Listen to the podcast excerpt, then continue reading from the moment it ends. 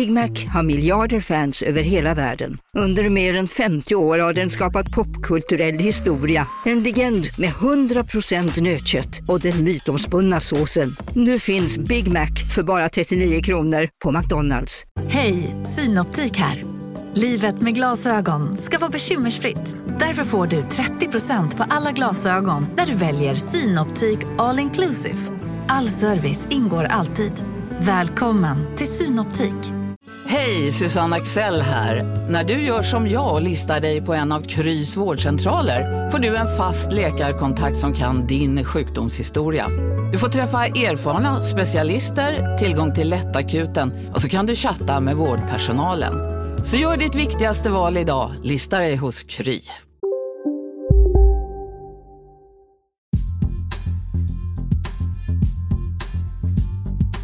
Eh, samtal har, eh, har inletts. Eh, Samtal pågår och gör det fortfarande eh, med en, eh, en uppriktig ambition att se till att Sverige så snabbt som möjligt får en, en handlingskraftig regering.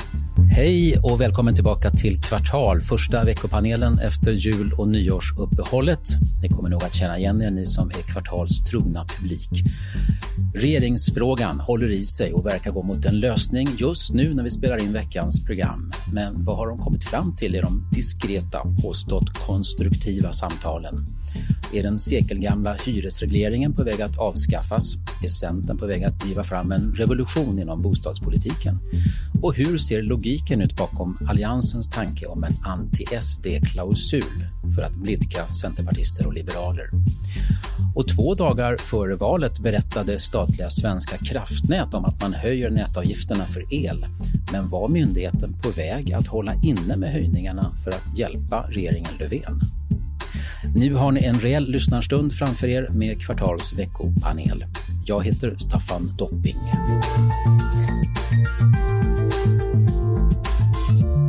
Ja, då kör vi då med den här paneluppställningen. Maria Abrahamsson, jurist och skribent, inte längre politiker. Välkommen. Tack så mycket. Daniel Suhonen, chef för tankesmedjan Katalys. Hej. Hej, hej. Och Karin Olsson, kulturchef på Expressen. Hej. Hej. Ja, ser ni fram emot att reda ut vår trassliga samtid och räta ut envisa frågetecken i offentligheten? Ja, men det har varit en fantastisk start på 2019. Vi är på väg att kanske få en regering. Vi är på väg att kanske få en svensk akademi eh, som är fulltalig igen. Så att det är liksom en mängd knutar som är på väg att på något sätt lösas upp. Man kan se det hända i realtid och det är fantastiskt när man som jag jobbar mycket med nyheter och så. Mm. Mm. Vad säger ni andra? Ja, vi som inte jobbar med nyheter, och vi sitter vid sidan om och tycker också det är väldigt spännande det som händer just nu. Alltså jag ser lite symboliskt därför att i september, veckan efter valet, så köpte jag väldigt mycket fina tulpanlökar. Och sen så liksom åkte jag aldrig till landet och satte ner de där lökarna. Och nu i, igår och i förrgår så planterade de. Och som ett, som, liksom, som ett tecken i tiden då så löser sig alla knutar ut. Så att liksom det är min, förs, min försenade höstsådd. Det ska bli väldigt spännande att se om de här tulpanerna kan blomma till sommaren. Och det är väl ungefär som med den här regeringsfrågan också. Tre olika eh, ingångsvinklar på det som här sker just nu. Eh, vi har inte med oss Paulina Neuding som bisittare eftersom hon nu börjar på ett nytt uppdrag. Men kanske kan hon komma hit som en vanlig panelist i en framtid. Det tror jag att många skulle välkomna. Eh, ska vi börja då med den eviga inrikesfrågan?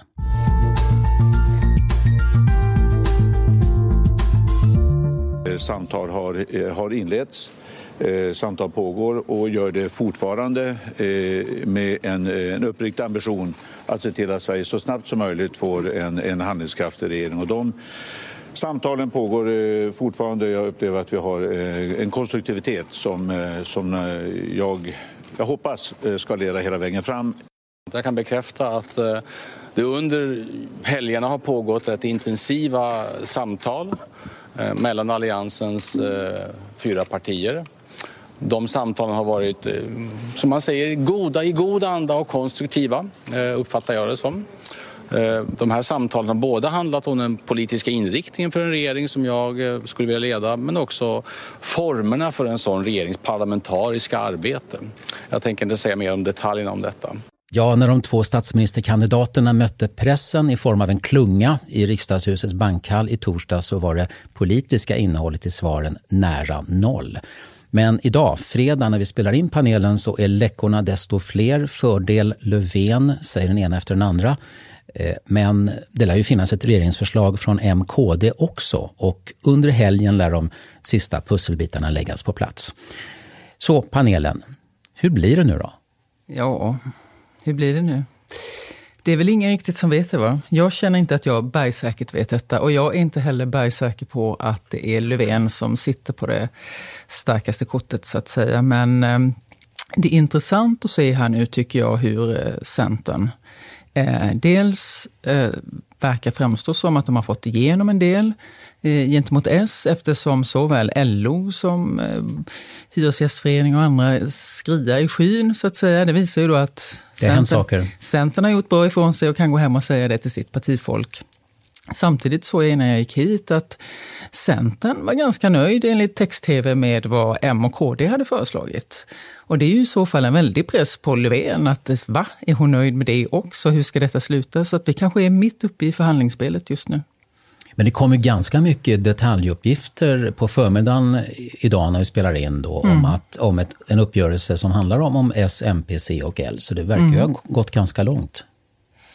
Jag har hört lite teorier om att de här detaljerna läcks ut eh, från Socialdemokraterna för att sätta press på framförallt Centern. Och att det kan vara att man faktiskt sitter i seriösa förhandlingar med Kristensson och, Ebba Busch Thor om ett alternativ där så att Löfven börjar känna sig lite nervös.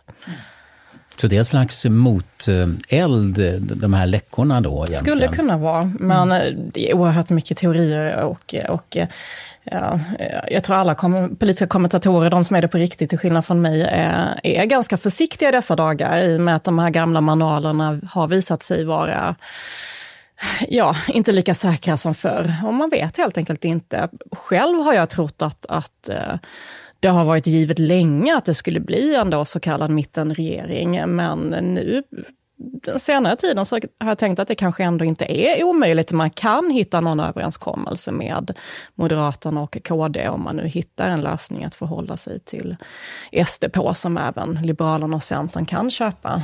Har du tänkt på att det kanske finns ett facit för lyssnarna när det här publiceras? Ja, det här gör det nu. ännu jobbigare. så, så det är ganska djärvt här. Eh, och medan vi pratar här nu så har ju Centern partistyrelsemöte och så vidare. kommer säga någonting, men det vet vi inte just nu. Men Nej. det gör det lite extra speciellt att spekulera. Daniel? Nej, men det är väldigt svårt. Det finns ju massa olika utgångar här, men jag tänker ändå att, att det har varit fördel Löfven. Eh, i frågan om att liksom få bilda en regering. Men frågan är ju, är det fördel Socialdemokraterna i, i vilken politik man får genomföra? Och jag tycker, vi kanske kommer in på det mer, men jag tycker att det finns en, en enorm brist, eller jag är orolig för att man har en, ett ganska grumligt tänkande i socialdemokratin just nu. Att man, att man vill undvika då att Sverigedemokraterna får inflytande, man vill själv ha inflytande. Men, men om man menar allvar med det, eh, vilket jag tror att man gör, Eh, att Sverigedemokraterna är ett hot mot, mot eh, liksom demokratin, ungefär som i Ungern och Polen och så, att det kan liksom ske inskränkningar om de får stort inflytande av den, liksom, av den liberala demokratin.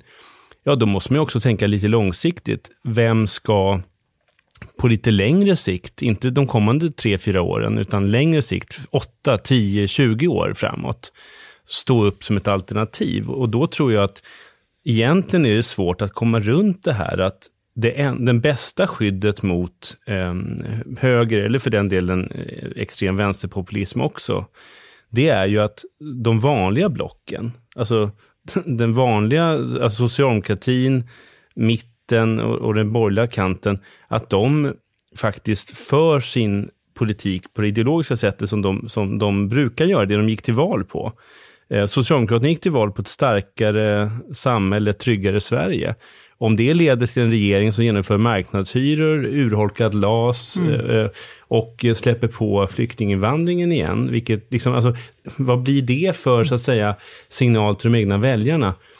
Så att man måste nog också tänka långsiktigt. Så jag är ganska, på ett sätt lättad då, om det blir en Löfven-regering på kort sikt. Men också oroad för framtiden. Mm.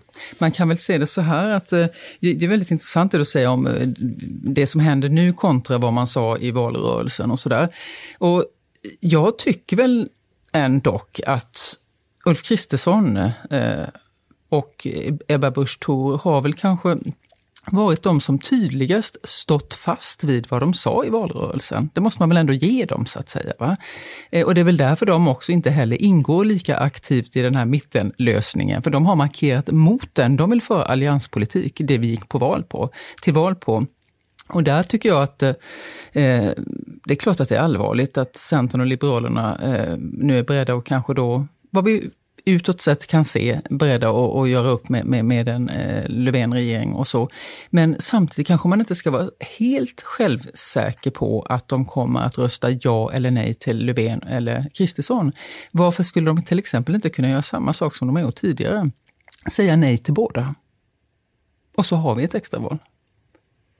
Den, den, alltså den aspekten tycker jag att man ska bortse ifrån. Alltså. En annan sak är vad som är mittenpolitik då. Eh, är det verkligen mittenpolitik om det blir Socialdemokraterna, Miljöpartiet, Centerpartiet och Liberalerna?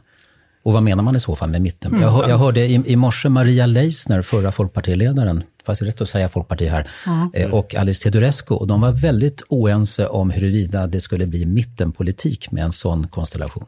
Var det vänsterpolitik de såg framför sig? Eller var... Eh, Teodorescu tyckte nog att det blir vänsterpolitik mm, med en mm. regering Löfven, va? medan Maria Lehnstedt tyckte inte det. Nej. Man kan också säga att den agenda som den här, det som har läckt ut nu till stora delar, den, alltså den politik det socialdemokratin driver utan mittensamarbete och den politik som Centern och Liberalerna för in i det här och driver på sin egen kant, det är ju en politik som jag tror många av eh, gubbarna i SAF 1973 eller 74 hade tyckt var ganska anstötlig och lite extrem. Alltså Sverige har ju kantrat väldigt snabbt och, och på 30-40, ja, väldigt snabbt, men liksom under 30-40 års tid så har ju Sverige gått i en väldigt liberal riktning, avregleringar och så vidare. Och det kan man tycka vad man vill om, mm. men det måste man ju ändå kunna se.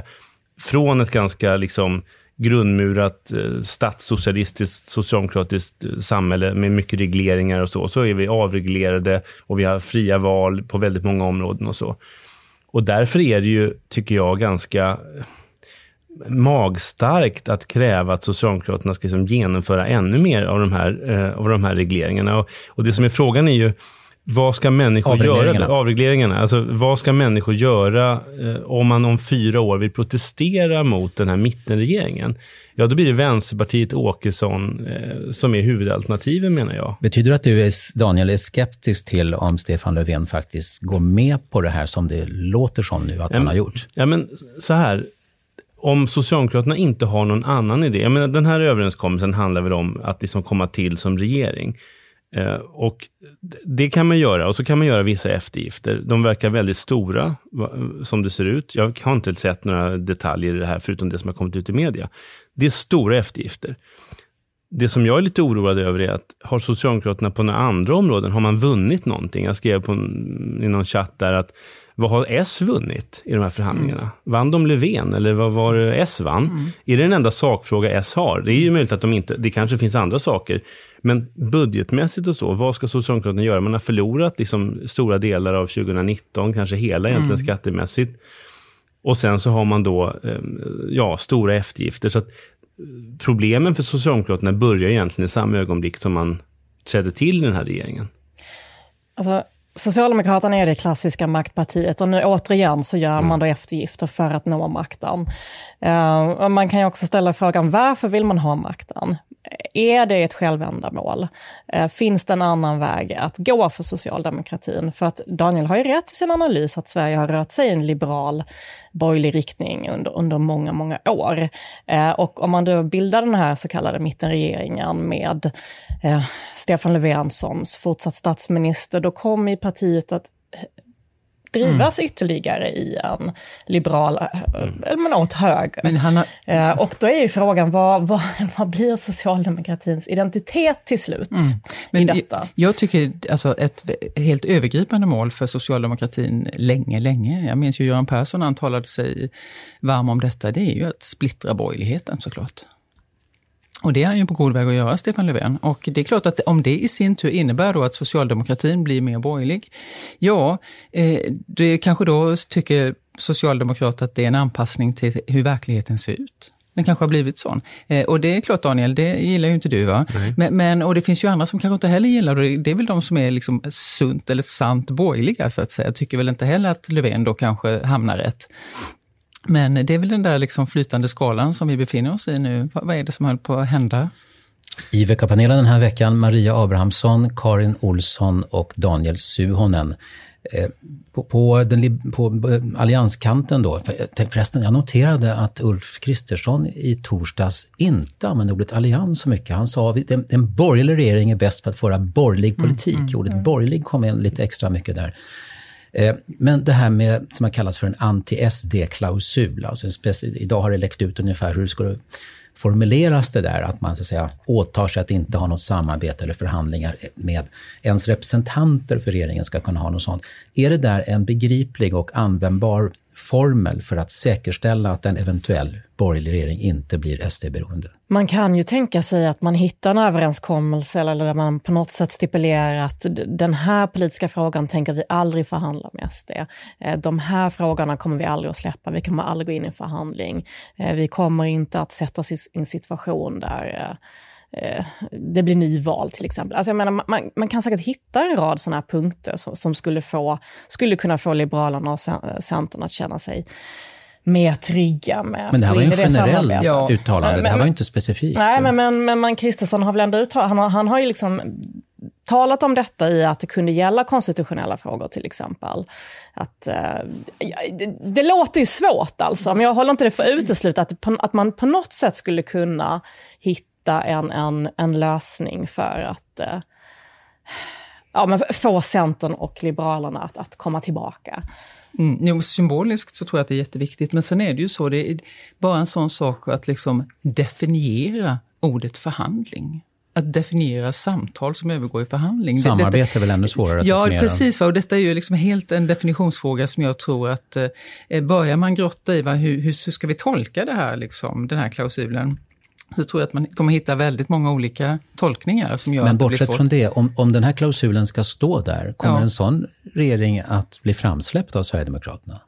Nej, säger ju Åkesson. Ja, det vet man ju inte. Det var ju, det var ju om, om, om, man om man har papper, så här, om, om det blir papper på mm. att mina väljare, som man säger, ska berövas allt politiskt mm. inflytande, finns det väl ingenting som talar mm. för att man ska släppa fram Nej, men då sån. Säger, då säger Ulf Kristersson så här, det läste jag faktiskt igår, då säger han så att i så fall om S, V och MP går mot alliansen så vinner de. Och det, det, om jag minns rätt så liksom tyckte han att det verkade väl inte helt sannolikt i alla sammanhang så att säga. Och det är klart att tänker man nu då som Daniel var inne här på att Stefan Löfven har nu liksom visat sig vara beredd att göra väldigt många eftergifter åt borgerlig politik. Ska han då helt plötsligt i ett nytt läge när, äh, säga nej till allting som skulle vara borgerligt? Det verkar ju också lite konstigt. Va? Så att på ett sätt har han ju målat in sig i ett hörn. Ja, så att, ja. Alltså det man kan säga om det här läget för de borgerliga är ju att alliansen har ju på något sätt varit död länge. Men det jag kan tycka med den här anti-SD-klausulen är att vi på något sätt fortfarande lever i Reinfeldt-land. Mm. Ungefär som att det socialdemokratiska paradigmet som på något sätt startade på 30-talet och regerade även när borgarna tog makten på 70-talet och 80-talet så, och sen även på 90-talet, så var det ändå ett socialdemokratiskt paradigm. Liksom, vad är det normala? Mm. Idag är det liksom Reinfeldt-mentaliteten. Liksom.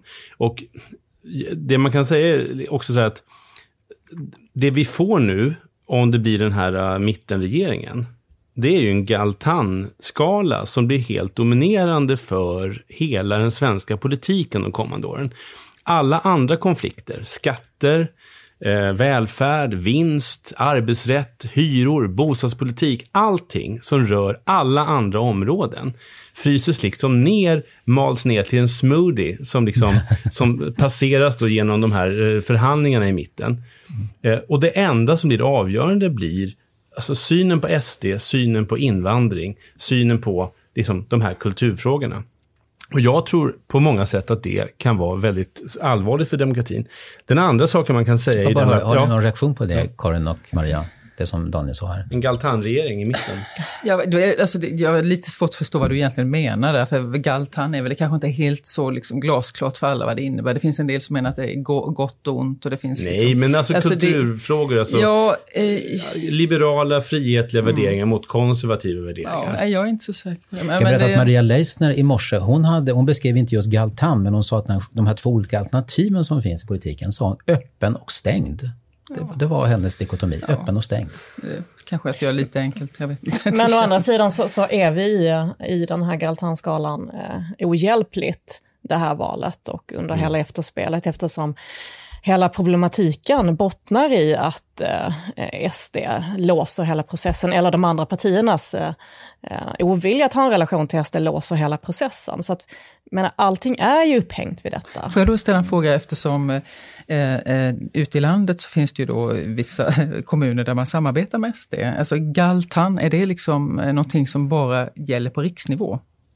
Det verkar som att det har en större genomslagskraft där, onekligen. Jag utgår från att de flesta av våra lyssnare kan Galtan, men, men för protokollets skull, grön, alternativ, liberal, traditionell, auktoritär, nationalistisk. Det är inget moraliserande att säga, utan det är som detta att, att den här konflikten mellan tanken till exempel mm. på stor invandring eller liten invandring, Um, ska vi, vad ska vi göra med de invandrare som är här? Hur ska integrationen se ut? Kulturfrågor. Att den dimensionen, som då kommer att liksom vara det gemensamma kittet för eh, S, MP, L och C, gentemot den så konservativa flanken som, som blir kvar i alliansen och lutar sig kanske ihop med SD. Det blir då helt formerande för den, de kommande åren och för nästa valrörelse och, och, så vidare. Och jag tror, att, jag tror inte att det är där vitaliteten i politiken finns, utan en annat sätt än det, nu har Löfven förhandlat med mitten och gjort stora eftergifter för att få bilda en regering. Ett alternativt handlingssätt hade varit följande. Vi släpper fram en borgerlig regering. Men ni får inte röra arbetsrätten. Mm. Ni får inte röra hyresregleringen. Ni får inte röra den här och den här skatten. Eh, och vi vill gärna förhandla om försvarsanslag, vi vill gärna förhandla om infrastruktur, vi vill gärna förhandla om, om några uh, områden där vi kan hjälpa er och där vi tar ansvar för Sverige. I övrigt går vi i våldsam Vi släpper fram er budget om ni inte gör de här sakerna. Eh, vi får en slags borgfred. Men vi går i opposition och vår avsikt är att avsätta er och bilda en regering med vårt program nästa gång. Då hade socialdemokratin värnat sitt samhällsbygge behållit sin identitet mm. och kunnat vinna 2022. Mm. Nu, har man, nu vet vi inte hur det går än, men nu har man valt den andra. Linje alltså? Ja, nu har man valt smoothie-varianten. Man mal ner alla partiernas politik till någonting och sen så, så, så blir det liksom ingenting kvar, ingen substans. men man sitter kvar och man har utnämningsmakten. Man sitter kvar, man har utnämningsmakten. Ja, precis. Så att det är ju inte helt basjobbat. Nej, det är klart att det är värt, men, värt någonting. Men, men jag tycker att det, det kanske det är väl mer, jag tycker det är mer intressant att analysera varför man sitter kvar än att liksom allting man skulle kunna gjort i opposition. Eh, men, men det är klart att eh, Löfven eh, famlar väl också precis som, som många andra. Vad är det som är, är på gång i Europa, i världen? Men det som oroar mig med den här då smoothie-konstellationen, om man nu anträcker, är väldigt målande uttryck, eh, är ju vad kan den här regeringen då, eh, hur den nu kommer att se ut? Vi, gissningsvis kommer ju inte Centern och Liberalerna sitta i den kanske, utan bara stödja den eller släppa fram den är ju hur mycket kan en sån regering få gjort under en mandatperiod? Kan man ta itu med de liksom ändå mm, stora problem som finns på sina håll i Sverige? Har man en liksom, politisk kraft? Men det väljarna till syvende och sist är intresserade av är ju samhällsförbättringar, fungerande samhällsservice, trygghet och så vidare. Alltså nu har vi ägnat ett helt halvår åt att analysera det politiska spelet och, och, och Alltså jag, jag tror att väljarna är ju så less på detta tror jag och det blir enormt viktigt för en framtida regering att faktiskt kunna ta itu med eh, politiska uppgörelser, eh, bedriva lite faktisk politik. Alltså det känns som livsfarligt om vi fastnar i det här spelet och icke-politiken Bara de kommande tre och ett halvt åren. Ja, det som har kommit ut om detta med religiösa friskolor och med, med språktest och med flygskatt och, och arbetsrätt och sånt är rätt mycket att, att genomföra. Eh, som det dessutom går emot och så vidare. Så bara det borde ju naturligtvis ta en del kraft. Men å andra sidan finns det ju inte några alternativa supergivna regeringslösningar som ligger på bordet. Men jag menar, vem tror liksom att de, de där frågorna som nu har nämnts, ja, arbetsrätten är en stor fråga, men flygskatt, språktest och så vidare, det är ju småfrågor, det är ju symbolfrågor. symbolfrågor. Eh, de ja, stora frågorna är att vi har en... Det kan ju bli stora. Nej, men det är en viktig fråga. Men det är, inte en stor, det är inte en stor reform som kommer förbättra livet för människor på ett, stort, på ett omvälvande sätt. Jo. Jag menar, vi har ju enorma brister i välfärden. Vi har enorma behov av bostadsbyggande, infrastruktur. Vi har eh, en stor ojämlikhet som jag som socialist ser. Jag kan tänka mig att man kan se att man behöver liksom innovationer och sånt på andra områden. Eh, företagen kanske behöver underlätt, alltså lättnader på olika områden och så. Men, men vi behöver investeringar i Sverige. Vi behöver liksom reformer på riktigt. Och det är frågan om en sån här regering kan göra det. Men om vi tar hyresregleringen då. I 101 år, om jag är rätt informerad, så har vi haft den här typen av, av, av bestämmelser och hyresnämnder och sånt där. En reglerad hyra, man får inte sätta den högt som helst. Eh, den vill alltså Centern och lyckas eventuellt få bort den här, i alla fall den strikta hyresregleringen. Eh, och menar då att det här kan, är en av nycklarna för att få en bättre fungerande bostadsmarknad, så att fler faktiskt kan, kan få de mm. bostäder de behöver. Eh, vad, vad, kommer det att, att, innebära om det faktiskt blir den förändringen efter 101 år? Jag, jag vet inte. Vi vet ju inte vad det innebär. Vi vet ju inte vad detaljerna är. Jag menar, i regel, vi har ju redan alltså presumtionshyror, i princip marknadshyror för nybyggt. Jag bor själv i en... en men, ja, men det är, liten... det är ändå... Fler bostäder kommer väl delvis av att man bygger. Och, och, och de nya bostäderna, där har man ju betydligt högre hyror. Alltså. Så att Frågan är ju, kan man höja det ytterligare? Är det rimlig politik? Eh, det beror på vad man tycker. Jag är personligen en, en vän av att man har någon sorts reglering av eh, situationen i storstäderna och även på andra håll. Har man andra uppfattningar så, så, tycker man att detta är en stor pina. Men vi har ju också en situation där man, där man kan få väldigt höga hyror och där det kan bli väldigt stor utslagning. Så att om man, om man väljer vägen med marknadshyror eller varianter av det, då får man ju bättra på bostadsbidrag. Och det är ju inte säkert att det är en bättre väg, att samhället ska sitta och betala extremt höga bostadstillägg och bostadsbidrag till folk. På det här följer ju att Sverige har ju ingen politik för social housing. Eh, man har liksom lagt ut bostadspolitiken på eh, ja, men byggföretagen och, och, och liksom kommunerna egentligen att lösa. Och eh, om man skulle få Alltså om man skulle spä på ytterligare att det blir väldigt dyrt att bo, eh, då måste man kanske få fram en politik eh, som går i en social housing-riktning. Vet inte om politikerna är så sugna på det, för det skulle vara fruktansvärt dyrt. Eh, men jag tror väl kanske att den här uppgörelsen, om det nu blir någon, kanske landar i att man släpper det fritt i nybyggnation.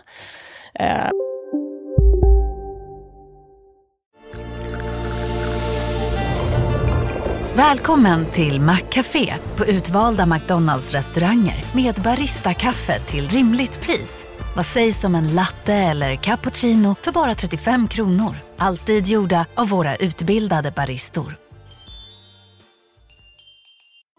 Hej Sverige! Apoteket finns här för dig och alla du tycker om. Nu hittar du extra bra pris på massor av produkter hos oss. Allt för att du ska må bra. Välkommen till oss på Apoteket. Ska några små tassar flytta in hos dig? Hos Trygg Hansa får din valp eller kattunge 25% rabatt på försäkringen första året. Läs mer och teckna djurförsäkringen på trygghansa.se. Trygg Hansa, trygghet för livet. Och så stannar man där. En viktig symbol. Kan det räcka för Centern verkligen, med tanke på hur det har låtit? Ja, eller så kanske det finns en djupare agenda här att socialdemokratin egentligen skulle tycka det var skönt att bli av med den här gamla surdegen och använder förhandlingarna till att få det gjort. Men å andra sidan så har ju Hyresgästföreningen, vad jag förstår med stöd av, av liksom regeringen, drev ju en väldigt hård eh, kampanj nu under valrörelsen att man var mot marknadshyror. Mm. Så det är klart att det skulle bli liksom ett pris för socialdemokratin att släppa igenom det här.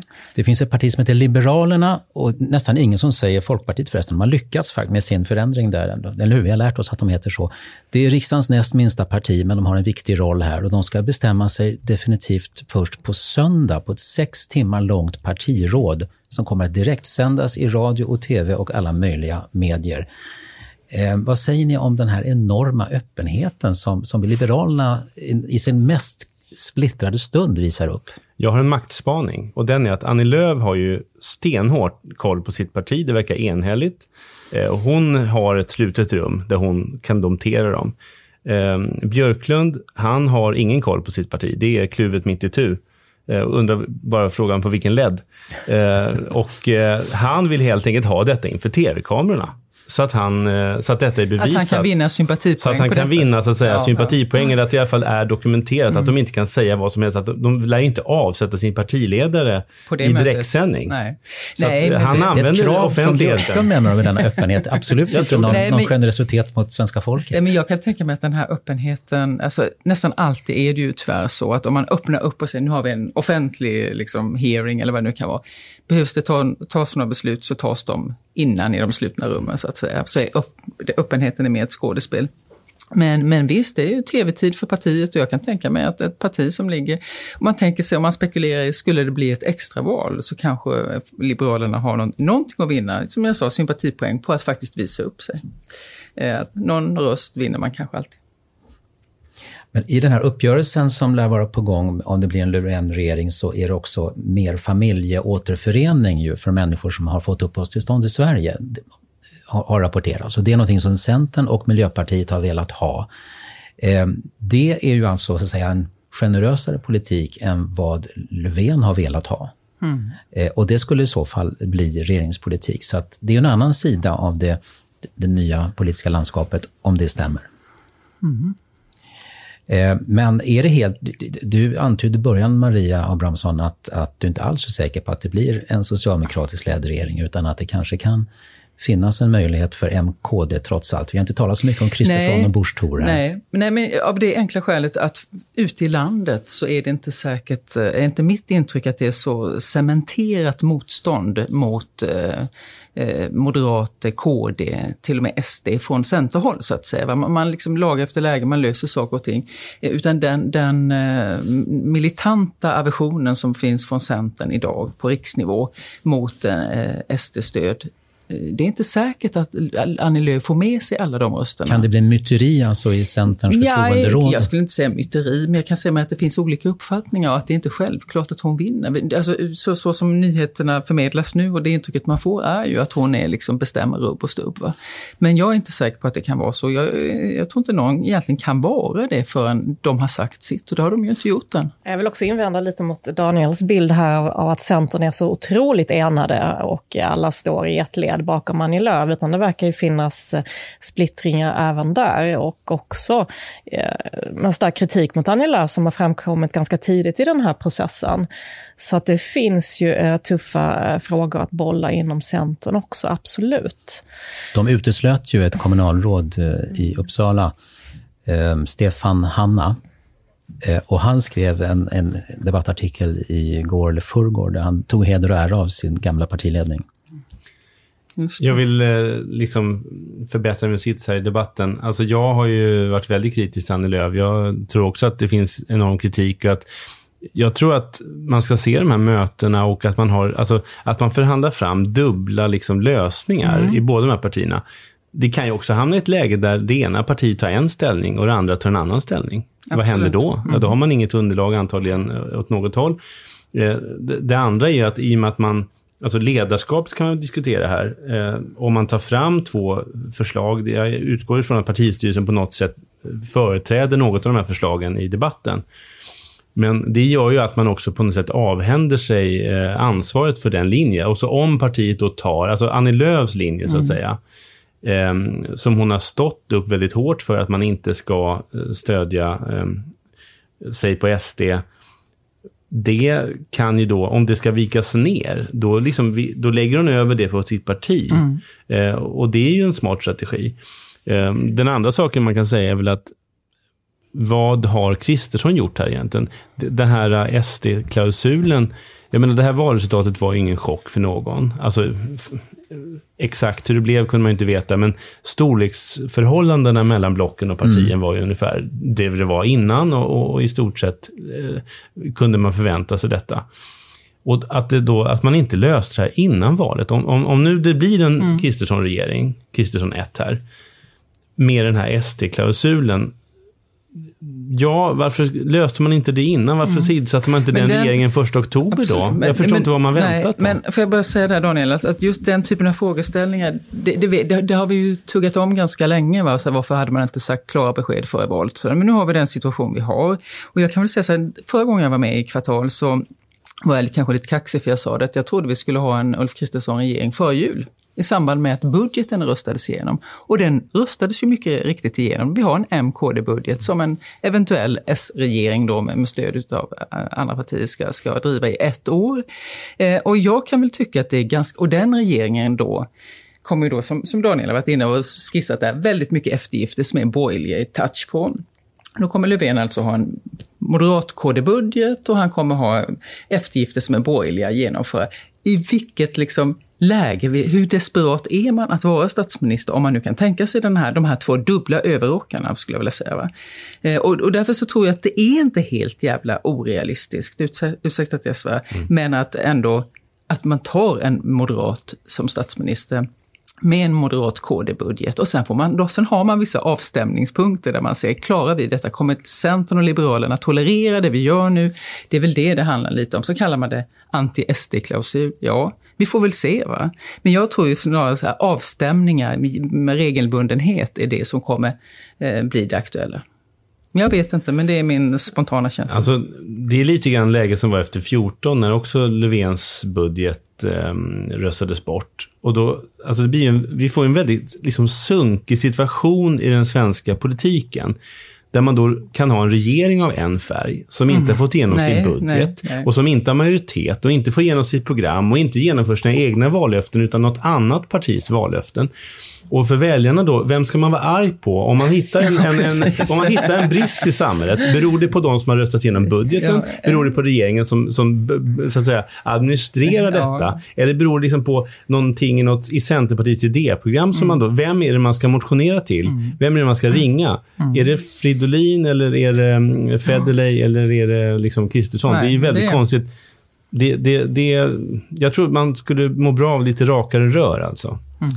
Kommer ni att sitta framför någon skärm på söndag och konsumera sex timmars liberalt partiråd? Nej. men det kommer, ni kommer se på sändare, eller hur? På Expressen? Det vet jag inte, men eh, finns det möjlighet så kommer vi säkert göra det. Ja, det är gratis förstår jag, mm. gentemot partiet. Maria? Det är inte du som ska livesända då? Det är inte jag som ska livesända, nej. Jag ska faktiskt vara ute lite i skogen på söndag. Mm. Ja, nej, men jag tänkte också på det beroende på väderlek. Men det är klart, är man ändå hemma och sådär, då kanske tvn står på, det skulle jag tro.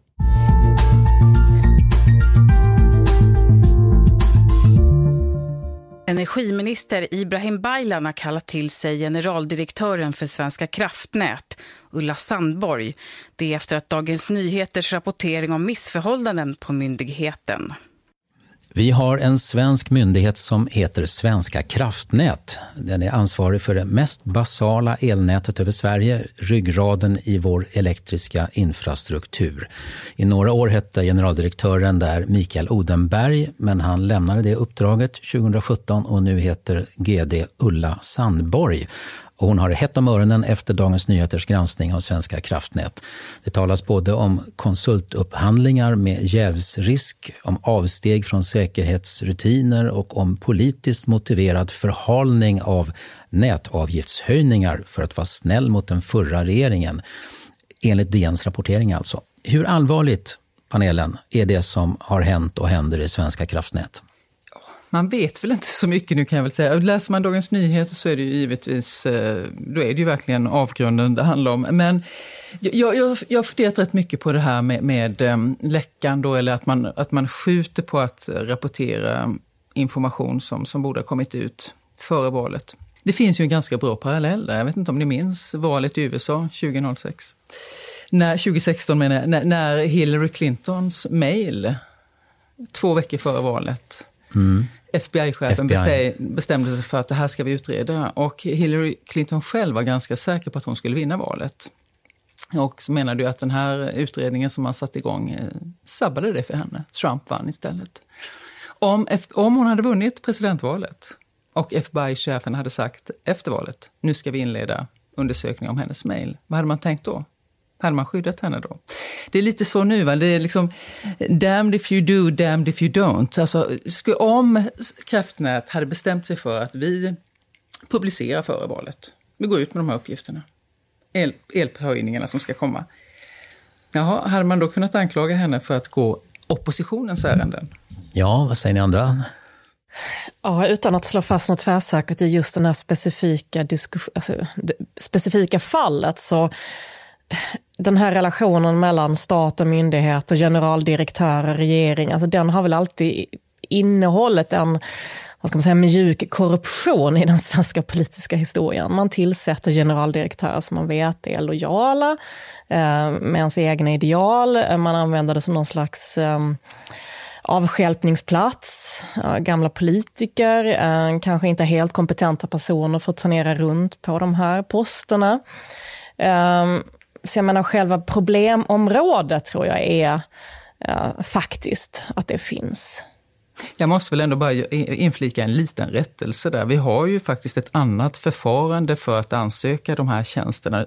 De annonseras ju ut, så att det är ju inte... Det var ju väldigt mycket partibok som styrde, men så är det ju inte riktigt längre.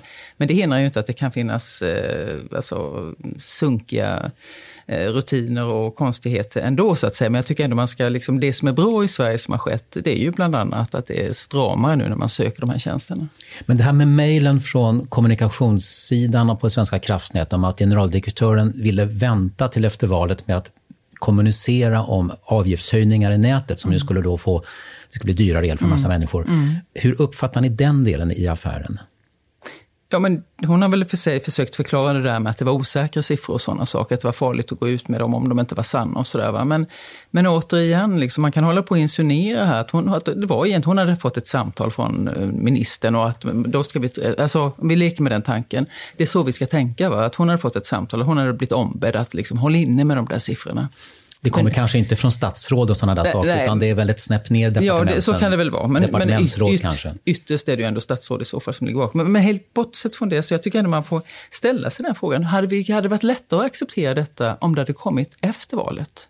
Och det, det hade gynnat oppositionen? Förstår ni vad alltså, jag menar? Alltså, förstår, är, det är ingen som svarar på är den här frågan. Är ju inte tanken att myndigheter ska vara fullständigt blinda för sånt? Eh, I regleringsbreven som skickas varje år så står det inte så här att och tänk på att det, att det blir val mot slutet nej, av perioden precis. och då ska ni ändra er, er moral.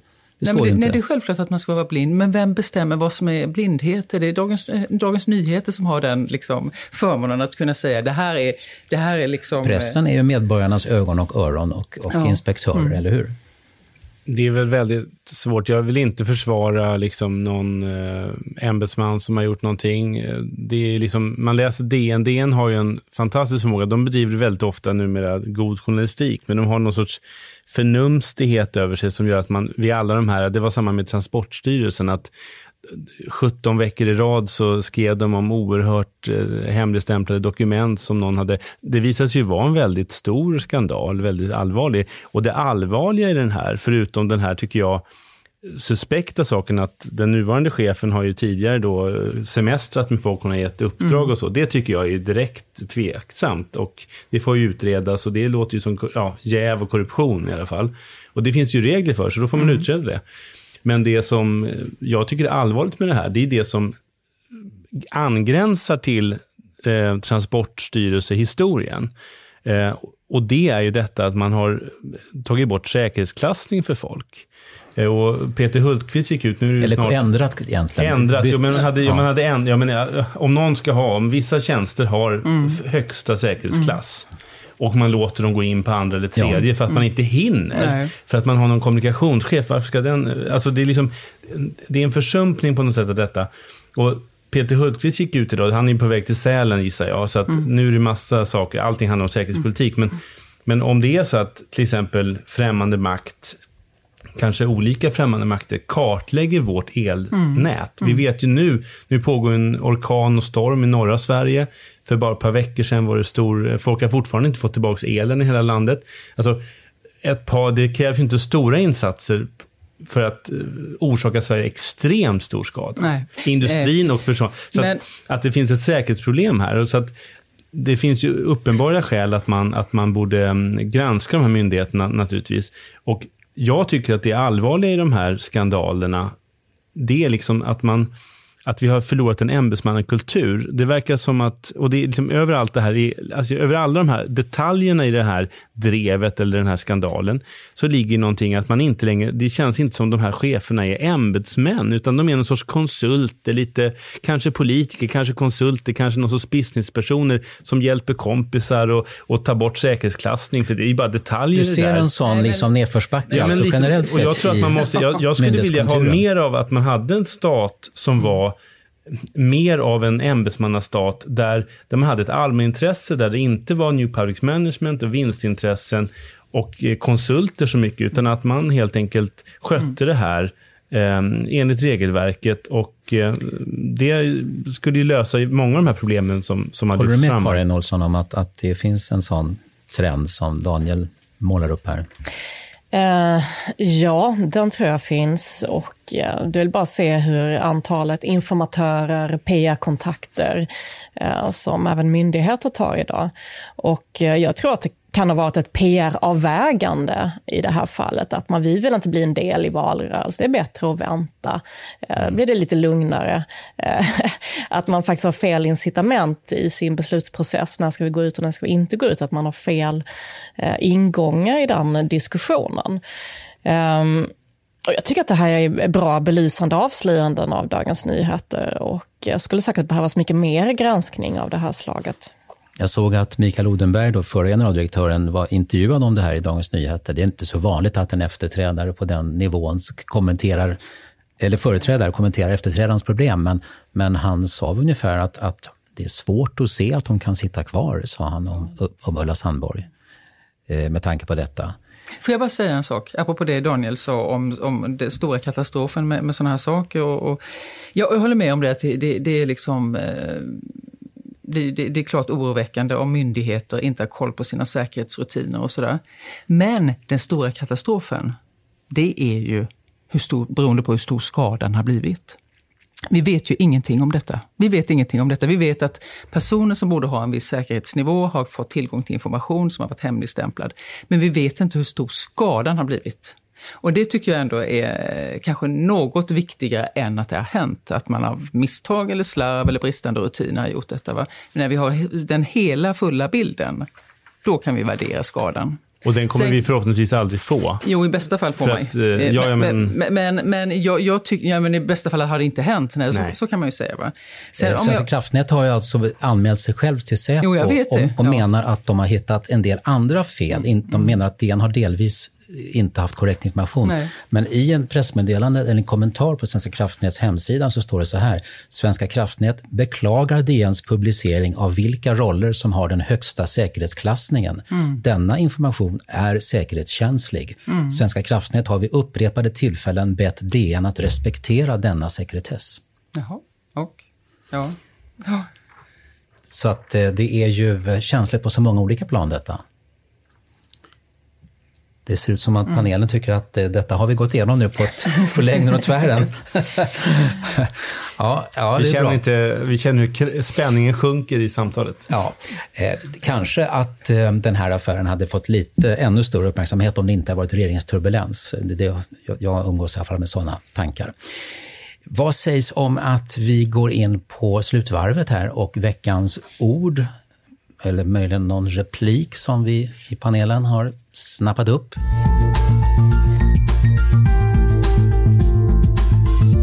Har ni gjort hemläxan? Ja. Har inte ni andra gjort det? Jag sa, som, som blygt med svag röst. Men jag skulle vilja liksom i en socialdemokratisk eh, sammanhang eh, diskutera begreppet pragmatisk. Man ska vara pragmatisk. Men att vara pragmatisk innebär ju att man utifrån vissa eh, ganska tydliga uppfattningar och värderingar kan liksom laga efter läge, vara lite praktisk, man kan hantera en situation um, utifrån hur verkligheten ser ut. Men det innebär ju inte att man helt enkelt ger upp alla sina värderingar och på något sätt eh, ja, maler ner sitt socialdemokratiska partiprogram tillsammans med en grön tomat och en röd tomat och en blå tomat till en liksom smoothie som man sen ska servera i fyra år. Utan det innebär att man faktiskt tycker jag, visar också att man inte gillar. Alltså det kan jag tycka var en del av den här liksom, eh, lite oron inför den här regeringsbildningen vi kanske står inför. Nämligen att att eh, till exempel Stefan Löfven har sagt att han tycker det, man måste förändra arbetsrätten och så vidare. Alltså, det är inte bara så att man här till är jag nöd och tvungen gör vissa saker för att vi var tvungna att komma överens eh, för ett högre syfte, nämligen att få till en regering och så vidare. Utan att man faktiskt helt enkelt säljer ut väldigt mycket. Om, om, så att jag blir väldigt intresserad av liksom den här pragmatiken, hur långt den har gått. Eh, om den är så att Socialdemokraterna inte längre ens eh, känner igen sin egen politik och sina egna förslag, ja då finns det ju väldigt eh, stora skäl för mig som socialdemokrat att vara oroad och fundera på hur man ska forma sin, sin eh, agitation de kommande fyra åren. Ordet var pragmatik. Ja, ja. Mm. Och annars tycker jag att du har använt ordet sunkig flera gånger under dagens panel. Så det var väl liksom... Mm. Försumpning också va? Och försumpning kanske, va? det gäller att höra på konsonanterna. Karin? Ja, jag har väldigt konkret replik som jag fångat upp från veckan och eh, den ligger en, en bra bit från politikens värld. Och det är Spark Joy. Eh, och det kommer från den här supersuccén som Netflix har lanserat eh, över stora delar av världen efter nyår med den här japanska städexperten eh, Marie Kondo. Och mina flöden är fulla, framförallt borgerliga kvinnor som älskar den här serien. Och det handlar om hur man ska sortera och eh, få ordning i sina hem. Och det här Aha. verkar gripa in på ett rent existentiellt sätt i människors mm. liv. Alltså det börjar med att de rullar sina strumpor i på ett speciellt sätt och eh, rensar ut saker och sen plötsligt ser de kan de se livet på helt nya sätt. Det finns liksom särskilda forum för Marie Kondo-fans och enormt stort, stort alltså. Eh, så Spark Joy, hon vill att man ska hålla varje föremål i sin hand, varenda papper man har och fråga, fråga sig om den här väcker glädje. Gör den inte det, ska man göra sig av med den. Mm. Men, har, det här är kanske jag, någonting för Stefan jag tänker, Löfven. Nej, jag tänker, Väcker Liberalerna och Centern Jag tycker ni på Expressen ska starta en motrörelse, en podd eller någonting som heter I Agnes våld. Där hon gör motsvarande sak. Att man inte behöver städa och inte behöver göra detta. Ja, ja du, lite, lite skit i Rolig idé. Mm. Rolig idé. Ja, nej, men jag har funderat på ett begrepp som ehm, som då, ehm, då tar jag liksom lite avstamp i att det har varit jul och nyårshelg och alla, vi har haft tid att läsa och sådär. Jag har då eh, läst en bok som heter Arv och miljö. Och det är ett, det är ett vedertaget begrepp såklart, men det är också titel på då en roman utav en norsk författarinna som jag tidigare inte hade varit i kontakt med, Vigdis Hjort en bok som, en roman som, som handlar om fyra syskon som då är eh, mitt inne i en arvstvist. Och den har så många lager, den här romanen, och den är ju såklart, eh, utgångspunkten är en väldigt dysfunktionell familj. Men det jag vill komma till är ju att efter den läsningen så är man inte samma människa längre.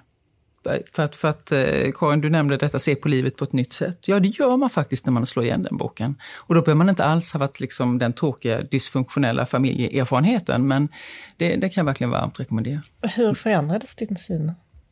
Jag började, komma, jag började fundera kring detta med, eh, som är väldigt centralt i boken.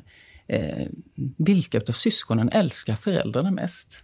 Det är en jobbig fråga. Va? Men som syskon så kan man ju inte låta bli det. Man har ju alla minnesbilder där man har liksom, eh, upplevt konkurrens eller någonting. Eh, det är en sån sak. Eh, relationen till föräldrar. Levande som döda. Och du funderar på varje dag nu i stort sett den frågan? Eh, nej, men det, det påverkade mig. När jag ihop, slog ihop boken så kände jag att det här, är liksom, det här kommer jag bära med mig. I veckans panel Maria Abrahamsson, Karin Olsson och Daniel Suhonen. Ska någon av er till Sälen och konferensen med Folk och Försvar? Nix. Det ska ni inte. Det ska jag. Ja. ha det så kul. och min kollega Jörgen Wittfeldt. För säkerhets och försvarspolitiken är ju inte någon avsomnad politisk fråga, bedömer jag i alla fall. Och Folk och Försvar är också ett diskussions och mingeltillfälle som en del av oss uppskattar lite extra. Lite tiondels Almedalen, sådär lite grann. Inte riktigt, för det är inte så öppet som Almedalsveckan. Men vi kommer, Jörgen och jag, att göra både intervjuer och en speciell säkerhets och försvarspanel från Sälen. Vi återkommer till dag och tid. Eh, lyssna också på Jörgens fredagsintervju med författaren Kajsa Norman, utlandsbaserad författare som har skrivit eh, mycket om andra länder tidigare men så när hon hörde om övergreppen mot eh, flickor under ungdomsfestivalen We Are Stockholm eh, och att det var lite si och så med hur det behandlades i Sverige enligt hennes uppfattning. Då bestämde oss för att skriva om Sverige och boken heter Swedens Dark Soul, utkommen i England, uppmärksammad av BBC. Men i Sverige så finns det ingen som vill ge ut den boken på svenska. Det kan ni höra alltså i fredagsintervjun med Kajsa Norman eh, och så kommer det nya fräscha essäer och analyser snart också på Kvartalssajten. Och nästa vecka kommer en ny fredagsintervju och en högaktuell veckopanel. Kanske med analyser om Sveriges nya regering och statsministerns regeringsförklaring. Jag tillönskar er, ni som lyssnar, och Kvartals vägnar en angenäm helg.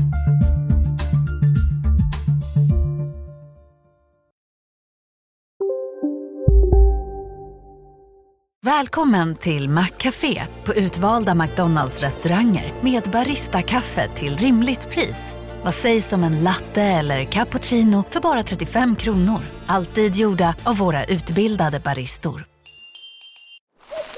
Okej hörni, gänget! Vad är vårt motto? Allt är inte som du tror. Nej, allt är inte alltid som du tror. Nu täcker vårt nät 99,3 procent av Sveriges befolkning baserat på röstteckning och folkbokföringsadress. Ta reda på mer på 3.se eller i din 3-butik.